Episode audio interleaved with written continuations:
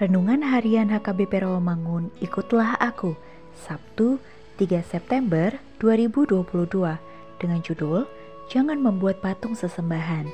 Bacaan kita pada pagi ini tertulis dalam Efesus 2 ayat 1 sampai 7 dan bacaan kita pada malam ini tertulis dalam 1 Raja-raja 12 ayat 25 sampai 33.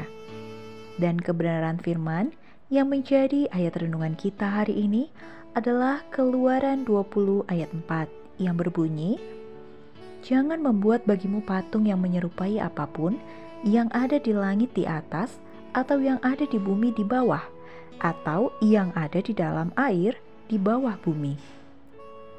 Demikian firman Tuhan. Sahabat ikutlah aku yang dikasihi Tuhan Yesus.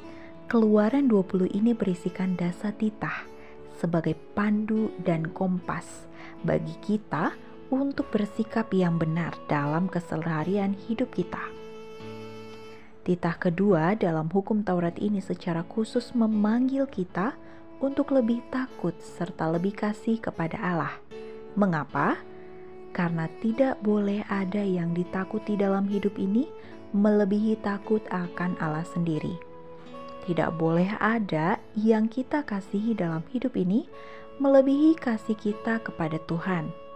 Maka itu, titah kedua ini menyerukan dan mengingatkan setiap orang percaya untuk tidak pernah membuat patung sesembahan bagi dirinya sendiri, apalagi sujud kepada Allah lain selain sujud kepada Yesus Kristus, Tuhan kita.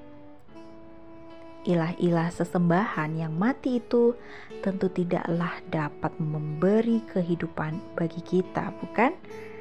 Maka, janganlah pernah memanggil roh-roh atau meyakini tenungan-tenungan dukun, mempercayai golongan barang-barang keramat atau benda-benda yang dianggap sakti misalnya. Semuanya itu adalah bagian dari okultisme yang harus kita jauhi dan singkirkan jauh-jauh. Kita dapat melawat semua itu dengan hidup lebih takut dan lebih kasih kepada Allah.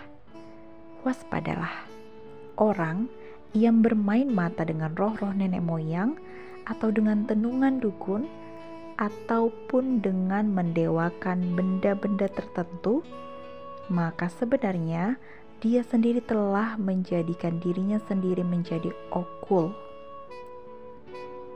memakai cincin sakti, memakai lilitan kain berwarna-warni di pinggang. Semua itu adalah bagian dari okultisme yang menyesatkan atau bentuk lain dari patung sesembahan yang harus kita tolak dan jauhi. Amin. Mari kita berdoa.